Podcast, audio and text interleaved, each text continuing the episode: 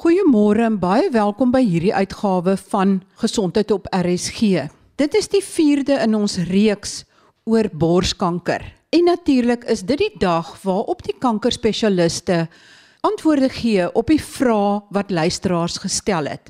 My gas vandag is Dr Etienne Meiburg. Hy is chirurg en ook hoof van die Panorama Sentrum vir Chirurgiese Onkologie. Kom ons kyk na die eerste vraag en dit is en ek gaan nie die name noem nie. Ek was in 2003 met borskanker gediagnoseer. Dit was ook in die limfkliere.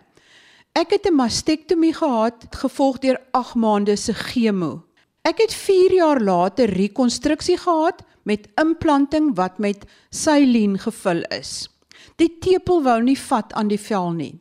Nou vra sy, kan dit herstel word? Kan die tube, die buis waar die vog ingespuit word, kan dit verwyder word of moet ek maar net daarmee saamleef? Sy is dankbaar dat sy nou al 19 jaar kankervry is.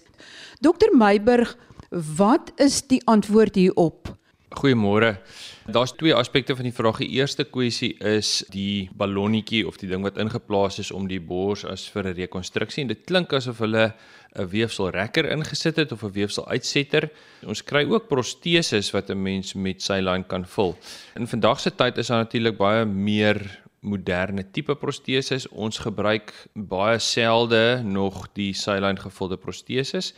En my voorstel sal teoreties wees dat 'n mens eintlik moet oorweeg om daardie te vervang met 'n meer moderne silikoon tipe van protese. So haar vraag oor die buisie of die tube soos sy dit noem wat die protese moet vul, Daar is van die proteses waar jy dit kon verwyder en dat die ballonnetjie in die bors nie sal afblaas nie, maar ek dink my voorstel in beginsel in so 'n situasie is dat mens daai weefselrekker moet gaan vervang met 'n protese. Hulle is sagter en meer gemaklik en daar's nie 'n buisie by betrokke nie. Die tweede deel van die van die vraag was oor die tepel. Uh dit is so wanneer 'n mens operasies doen, mastektomies doen, dan kan dit gebeur dat die tepel nie genoeg bloed kry nie en dat hy met ander nie oorleef nie.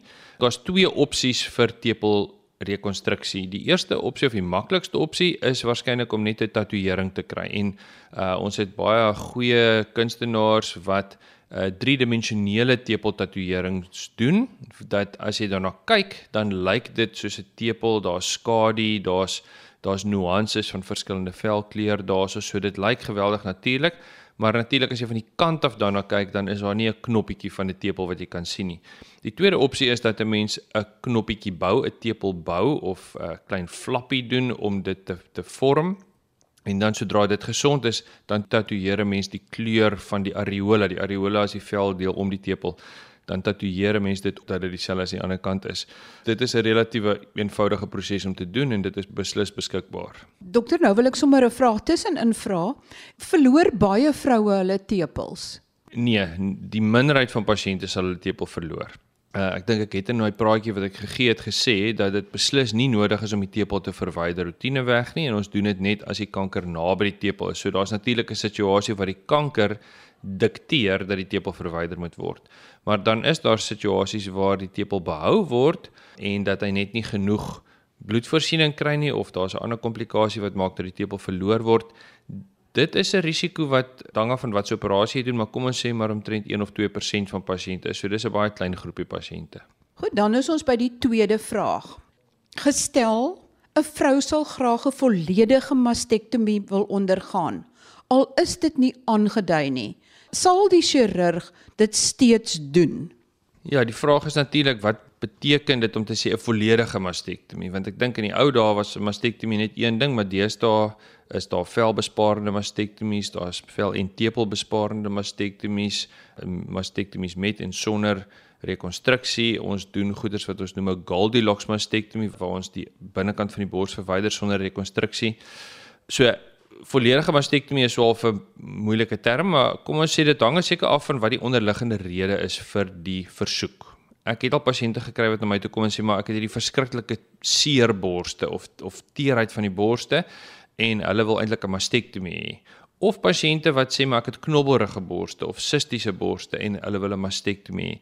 In beginsel dink ek grens aan oneties om 'n mastektomie te doen vir 'n funksionele goedaardige proses want die risiko's verbonde daaraan in die langtermyn komplikasies is aansienlik meer as om hierdie ander toestande op op ander maniere te behandel.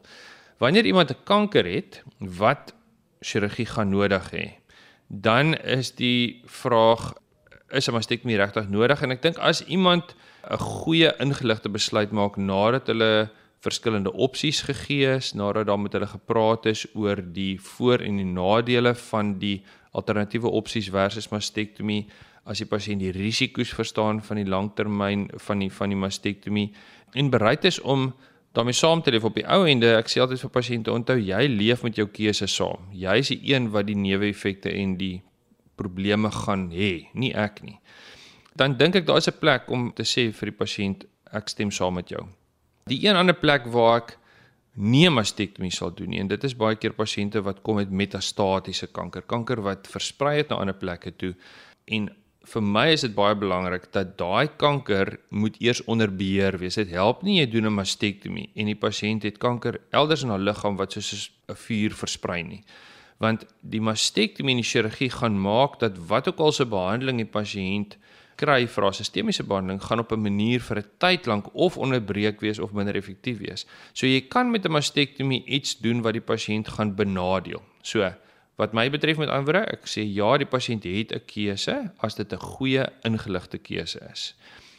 Nommer 2 is die chirurg of die dokter het die verantwoordelikheid om seker te maak dat hy nie verdere skade aan die pasiënt aanrig nie, met antwoorde in die konteks van hierdie metastatiese siekte en ek dink daar is 'n punt waar waar dit onverantwoordelik sal wees om dit te doen en dan laastens in kosmetiese of funksionele omstandighede sal ek dit baie baie moeilik vind om vir 'n pasiënt 'n mastektomie te doen want ek dink die langtermynprobleme daarmee verband gaan baie meer wees as die probleme wat die pasiënt aanvanklik mee presenteer.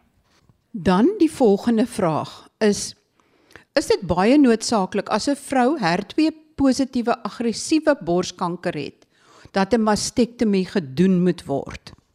Die kort antwoord is nee, die tipe kanker bepaal nie die operasie wat gedoen moet word nie. So in beginsel en ek het dit met my vorige praatjie ook gesê is hoe meer aggressief die kanker is en hoe groter die kanker is, hoe meer belangrik is dat die kanker eers behandeling moet kry, sistemiese behandeling moet kry, dat dit gekrimp moet word en dat daar dan chirurgie gedoen moet word. Uh met ander woorde, ons behoort eintlik amper nooit te sit met 'n situasie waar jy 'n kanker het wat jou dwing amper in 'n mastektomie situasie in nie as iemand veelvuldige kankers in die bors het of iemand het 'n kanker wat kom besef wat die vel en ekstensief betrek dit is situasies waar waar mense nou nie eintlik 'n ander keuse het nie maar die tipe kanker bepaal nie dat iemand 'n mastektomie moet kry nie Goed dan is daar 'n vraag oor die behandeling van limfedeem Ek het 10 jaar gelede 'n bilaterale mastektomie gehad waar al die limfkliere onder die arm verwyder is, net om later by my onkoloog uit te vind dat my gewas 1 cm groot was. Wanneer 'n mens die uitslag van 'n biopsie en die woord kanker hoor, is jy so getraumatiseer dat jy nie nugter dink nie en vertrou jy op jou chirurg en dat hy of sy die beste raad gee en volg jy dit want jy wil net skoon wees. Ek dra tans 'n drukkous en kry ook soms limfdreinering by wyse van 'n ligte massering. Maar is die behandeling nie altyd voldoende om die swelling en die pyn te beheer nie? Ek sukkel om die stywe kous alleen aan te trek en het altyd my man se hulp nodig. Ek wil graag die volgende vraag vra. Wat is die beste behandeling vir limfedeem? Ongelukkig sal ek heel eers sê dat limfedeem is eintlik nie geneesbaar nie. So wanneer ons limfedeem reeds het, dan kan ons dit net beheer. Ons kan dit nie genees nie. En die beste behandeling is 'n kombinasie. Met ander woorde, om met 'n droë borsel te doen uh, elke dag, massering, druk kledingstukke, oefening, so 'n program wat deur 'n uh, geakkrediteerde limfoterapeut voorgestel word, is eintlik maar die beste manier om dit onder beheer te hou. Dan het sy nog 'n vraag. Is daar alternatiewe behandeling en produkte vir 'n geswelde arm en hand? Byvoorbeeld 'n produk wat makliker is om aan te trek. Ja, ongelukkig die drukkledingstukke is altyd moeilik en ongemaklik vir pasiënte. Is moeilik om aan te trek want natuurlik as dit nie styf genoeg is nie, gaan dit nie die edeem beheer nie. So dit is 'n uitdaging. Mens kry 'n satijn sloop um, wat 'n mens onder die kous kan aantrek. Uh dan gly die kous 'n klein bietjie makliker oor die vel en dan kan 'n mens die die satijn sloop onder dit uittrek. Ek dink dit is ook belangrik dat die limfterapeut of die arbeidsterapeut of die persoon wat die drukkledingstuk voorsien dat sy seker maak dat dit natuurlik die regte grootte is en nie te klein of te styf is nie. En dan die laaste ding is eintlik 'n mens moet dit maar grootendeels uh die hele tyd dra. Want sodra as jy sê maar jy slaap sonder jou kous in die aand of jy trek hom uit en jy gaan stort in bad en jy wag nog 2 ure voor jy hom weer aantrek natuurlik is daar al klaar weer redelike klomp swelling wat plaasvind en dan is dit moeilik om aan te trek. So dit is maar 'n kombinasie van goeters maar daar is nie daar is nie 'n alternatief wat ek kan sê wat makliker is as dit nie dan vra sy is daar 'n operasie om die limfstelsel te herstel Daar's 'n klomp operasies al probeer oor baie jare. Weefsel wat van een plek na 'n ander plek ingebring word om te probeer help met absorpsie van limf, uh om vet in te spuit onder die armholte, om limfkliere oor te plant van die lies af sê maar na die oksel toe. As ek moet sê uit die literatuur, die operasies wat waarskynlik die beste waarde het is om 'n mikrovaskulêre limfoveneuse omleiding te doen. Dis waar jy 'n klein mikroskopiese koneksie maak tussen die limfbane in die arm en die bloedvaatjies wat die bloed terugvoer hart toe. Maar ek sal nou ook baie sê dit word dit word op baie klein skaal gedoen. Nommer 1, nommer 2 is dit is nie iets wat universeel uh gebruik word internasionaal nie. Ek is altyd bekommer my altyd as daar 'n operasie is wat net deur een of twee of drie ouens gedoen word, want die vraag is met ander woorde, is dit omdat die ander dokters nie dieselfde sukses kan herhaal nie. En dit is baie keer die situasie. En as ek kyk na die data op 'n objektiewe manier, dan lyk dit vir my as jy moet eintlik die pasiënt eintlik profylakties opereer. Jy moet eintlik vir hulle daai omleidingkie doen voordat hulle die limfedeem ontwikkel, want as die persoon eers limfedeem het, dan is sy sukses daarvan eintlik baie swak. So op hierdie stadium moet ek sê eh, is daar baie min ondersteuning uit die literatuur uit om vir mense wat gevestigde idee met chirurgie aan te bied dat dit 'n groot verskil gaan maak in hulle uitkoms op die lang termyn. Speel die eet en oefening enigsins 'n rol om limfdreinering aan te help? Kort antwoord is ja. Uh, oefening is 'n baie belangrike deel van die rehabilitasie en hoe swaarder die pasiënt, hoe meer oorgewige pasiënt is, hoe meer is hulle 'n risiko vir limfedeem. So om jou gewig onder beheer te hou en te oefen is twee baie belangrike aspekte.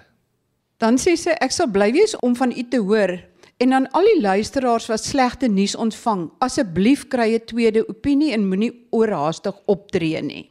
Ek stem 100% saam en ek dink in my praatjie wat ek gegee het was dit so 'n groot boodskap van my gewees om te sê dat borskanker is nooit dringend nie. Ehm um, en en ongelukkig word daar baie keer hierdie hierdie angs gewek deur dit is o, jy moet nou dringend by 'n dokter uitkom want hier's nou kanker. So my advies is nommer 1 is borskanker is nie dringend nie. Jy het tyd om goeie besluite te neem. Nommer 2 is vind vir jou 'n span wat baie volume is wat baie borskanker pasiënte behandel want hulle gaan vir jou beter opsies en meer opsies kan aanbied. As jou dokter nie met jou praat, as hy met ander vir jou sê jy moet môre inkom en jy gaan 'n mastektomie kry. En as jy vir hom vra vra en sê man, weet luister, doen net wat ek vir jou sê. So met ander 'n ou wat nie vir jou opsies aanbied nie, iemand wat nie jou vra vir jou ordentlik beantwoord nie, wat nie vir jou verduidelik hoekom opsie A beter is as opsie B nie en met ander geafronteerd voel omdat jy eintlik nou sy enkele aanbeveling bevraagteken. Daai is vir my alles rooi ligte om te sê hierdie dokter is nie die persoon wat jy 'n langtermyn borskankerpad mee gaan stap nie. As jy in 'n situasie mee bly op 'n kleinerige plek uh, en daar is net een chirurg of daar is net twee chirurge, dan sou my aanbeveling wees om te sê jy wil asseblief graag die onkoloog sien voordat jy jou operasie doen of finaal beplan. Want die onkoloog is nie 'n chirurg nie, die onkoloog se primêre intensie is om nie om jou te opereer nie en die onkoloog gaan sê maar wag 'n bietjie, miskien moet ons vir jou eerder dit eers gee of dat eers gee en dit koop vir jou tyd. So ek dink as jy in 'n in 'n stad of in 'n plek bly waar daar spanne is wat baie borskankers doen, is dit altyd jou eerste keuse. As jy op 'n kleiner plek bly, is my aanbeveling om te sê ek wil graag die onkoloog ook sien voordat ons opereer sodat ek die sistemiese kant van my behandeling kan bespreek voordat ons met 'n operasie begin. Mediese fondse en ek gaan nie die spesifieke naam noem nie, het onlangs hulle beleid gewysig ten opsigte van mammogramme. Slegs 1 mammogram elke 2 jaar word nou toegestaan. Voorheen was dit jaarliks. In die lig van die feit dat vroeë diagnose van kanker essensieel is vir suksesvolle behandeling, is hierdie uiters onverskillig en glad nie in belang van die lede nie. Hoe nou gemaak? Ja, hierdie is altyd 'n netelige kwessie wat bespreek word. Suid-Afrika het nie 'n formele siftingsprogram nie. Met ander woorde, daar's nie 'n 'n wet of 'n reël of 'n ding wat sê dat almal moet eenmal 'n jaar 'n mammogram sê maar doen nie. In die afwesigheid van 'n formele riglyn wat gevolg moet word, kan elke eintlik iemand maar doen net wat hy wil. Nommer 2 is dat ehm um, wat noodwendig gesien word as die beste vir die individu is nie noodwendig altyd die beste vir die, vir almal saam nie. Kom ek vat 'n voorbeeld jy ry in die straat af, is 'n groot wye oop straat en die spoedgrens is 60 en jy is haastig om by jou werk uit te kom. Dit is nie in jou beste belang om 60 te ry nie. Jy wil graag kan 100 ry want jy wil vinnig by die werk kom. Maar omdat dit onveilig is vir die voetgangers en die fietsryers en die ander motoriste op die pad, is daar nou 'n reël wat sê ons hou by 60. So alhoewel dit jou nou eintlik 'n bietjie frustreer, is dit die beste vir die gemeenskap in geheel. So as ons dit op mammogramme van toepassing maak. Mammogramme vir die individu kan maak dat ons die kankertjie vroeër optel. Daar is nie data veral in vrouens 40 tot 50 is daar nie eintlik data dat mammogramme eintlik die oorlewing van borskanker beter maak nie en snaaks genoeg in al die navorsing is daar ook nie data wat maak dat pasiënte met slegte kankers, aggressiewe kankers of kankers wat wyd versprei is dat dat ons eintlik daai pasiënte minder van sien. So selfs in reekse waar daar mammogramme gedoen word jaarliks, is daar nog steeds 'n groep pasiënte wat met slegte kankers aankom al doen hulle elke jaar 'n mammogram.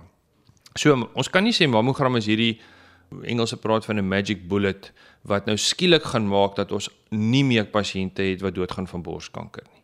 Die tweede kwessie is dit kos geld. So in Amerika byvoorbeeld as jy van 40 af begin en elke jaar 'n mammogram doen vir daai pasiënte, dan is dit omtrent 12 miljard dollar wat betaal moet word om dit te kan fasiliteer. As jy vir pasiënte sê elke tweede jaar en van 50 af, dan is dit 2 miljard.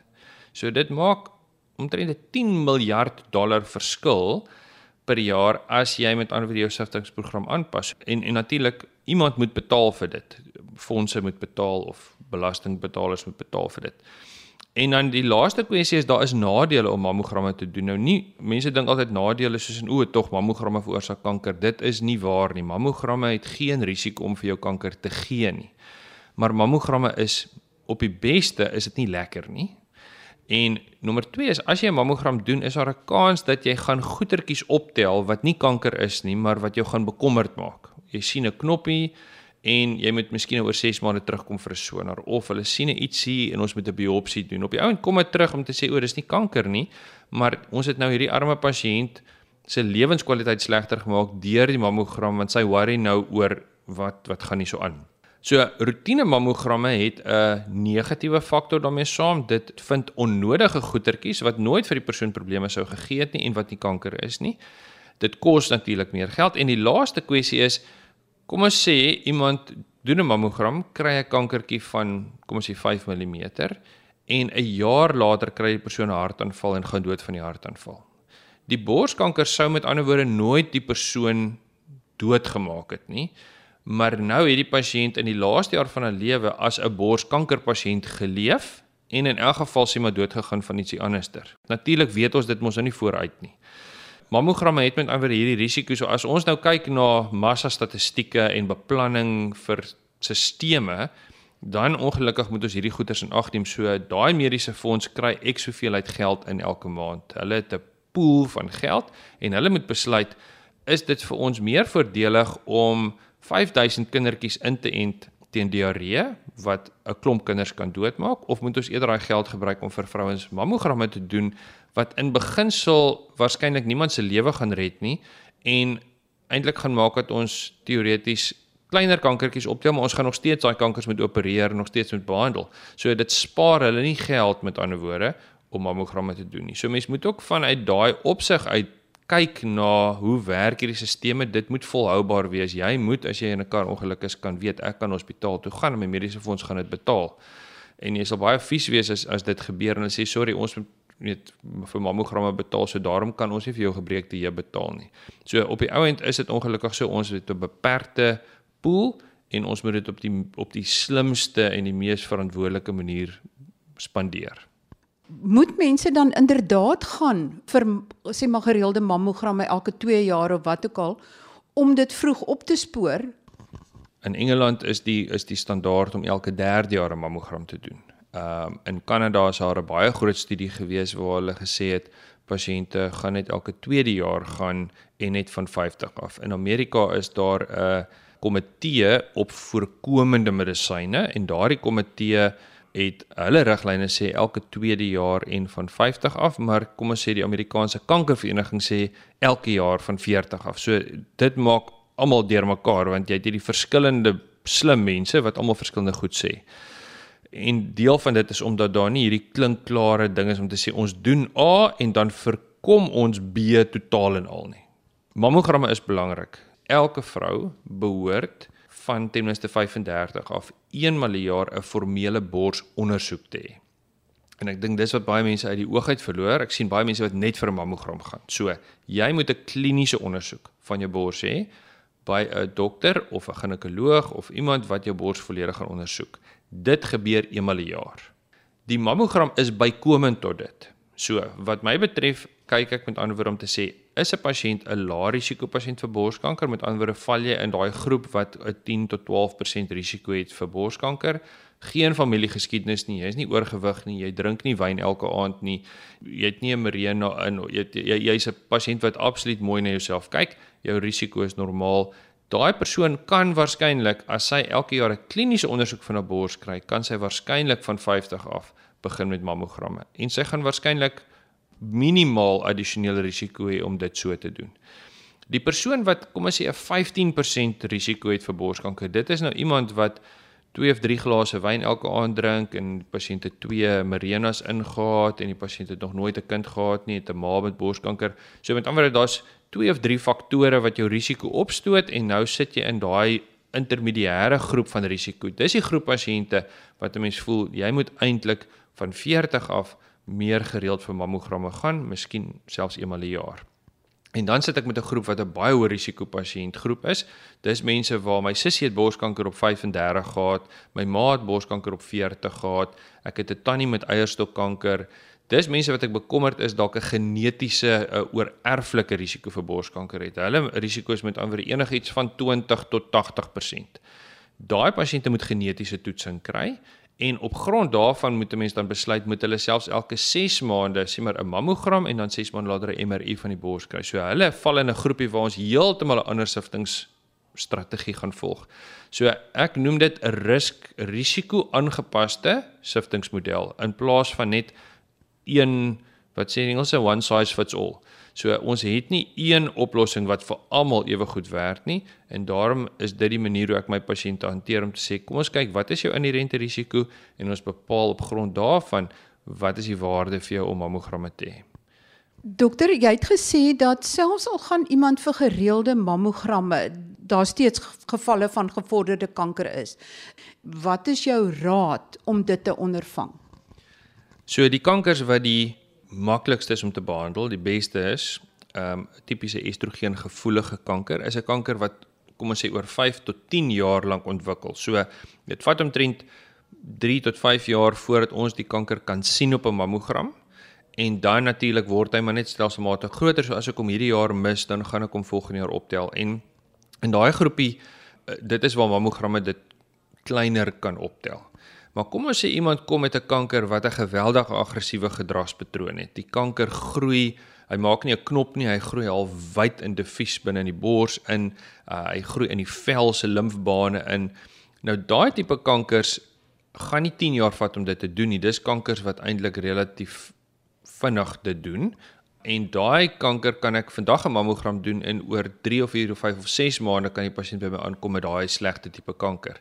So die die kankers wat juist die grootste risiko vir die pasiënte inhou aggressiewe tipe biologiese kankers. Hulle is die kankers waar mammogram eintlik die minste beskerming kan gee want jy gaan jy het nie 'n lang tyd wat jy kan sien wat die kanker eintlik gaan doen nie. En dit is eintlik 'n bietjie half die tweesnydende swaard. Die kankers wat die beste is, is die kankers wat ons ook die beste op mammogram kan optel. Die kankers wat die slegste is, is juist die kankers wat ons wat teen die tyd dat ons hulle optel, is hulle al klaar sleg.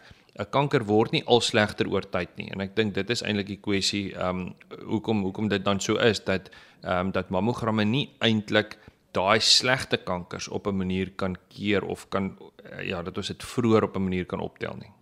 Is daar enige raad sal die borsondersoeke, gereelde borsondersoeke help? So borskanker het nooit 'n goedaardige fase en dan word dit kanker nie. So sien maar soos dikdarmkanker het 'n poliep wat goedaardig is. Jy kan 'n kolonoskopie kry. Ons sien daar's 'n poliep, ons haal hom af en ons keer die kanker. In borskanker is daar nie so iets nie. Ons het nie 'n goedaardige knop en as ons dit kry, dan kan ons dit uithaal en ons keer die kanker nie.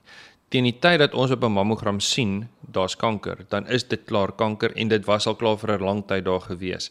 So borsondersoeke gaan dieselfde bereik. Borsondersoeke gaan iets optel as daar klaar 'n knop is of daar's klaar verandering in die bors. So teen die tyd dat jy iets optel, is dit klaar kanker. So ek dink mense moet baie mooi verstaan die doel van mammogramme en borsondersoeke en ek dink dis dit is vir my belangrik dat mense moet weet al doen jy 'n mammogram elke tweede jaar, jy moet jou borsondersoek gaan doen by die dokter. So die doel daarvan is om die kanker op te tel in die kleinste moontlike stadium wat ons kan. Nie om die kanker te probeer keer nie. Ons kan ook nie die gedrag of die persoonlikheid van die kanker keer nie. So jy kan 'n klein kankertjie optel, maar as dit 'n kanker is wat estrogen negatief is, aggressiewe kanker is, dan bly dit nog steeds 'n slegte tipe van biologiese persoonlikheid kanker met 'n hoë risiko. So op die ou end is die geheim eintlik leefverantwoordelik. Borskanker is net een van die goeters wat met jou kan oorkom. Ons fokus nou baie op borskanker, maar onthou, jy weet in Suid-Afrika is is goeters soos alkoholmisbruik en uh infeksies siektes, TB byvoorbeeld mense wat rook met longkanker, verstaan. Longkanker is nog steeds die kanker wat die meeste vrouens doodmaak. Ongelukkig as dit baie meer borskankers het, gaan meeste nie dood nie. So daar's baie ander goeters wat jou lewe bedreig as ek dit so kan sê. So my voorstel is altyd leef verantwoordelik, leef gesond, leef die lewe voluit. Ja, gaan dit kyk met mammogramme en goeters, maar moet jouself ook nou nie kastei omdat jy nou per ongeluk 'n maand laat was vir jou mammogram en sulke goedjies soos dit nie. So daar is niks wat jy kan doen regtig om borskanker heel as ons dit kon keer op 'n manier, dan het ons dit gedoen. Daar's baie navorsing oor oor uh vaksines uh of wat kan probeer kyk kan ons op 'n manier jou liggaam se immuunstelsel aanskakel om die kankerselletjies op te tel voordat dit klinies sigbaar word. En dit sal natuurlik die die oplossing wees as ons ietsie soos daai kon doen, maar op hierdie stadium is ons nog ver weg van dit af. Daar is weliswaar nog vrae van luisteraars oor borskanker wat ons dan volgende week aandag aan sal gee en wat deur die spesialiste beantwoord word. Baie groete van my, Marie Hudson.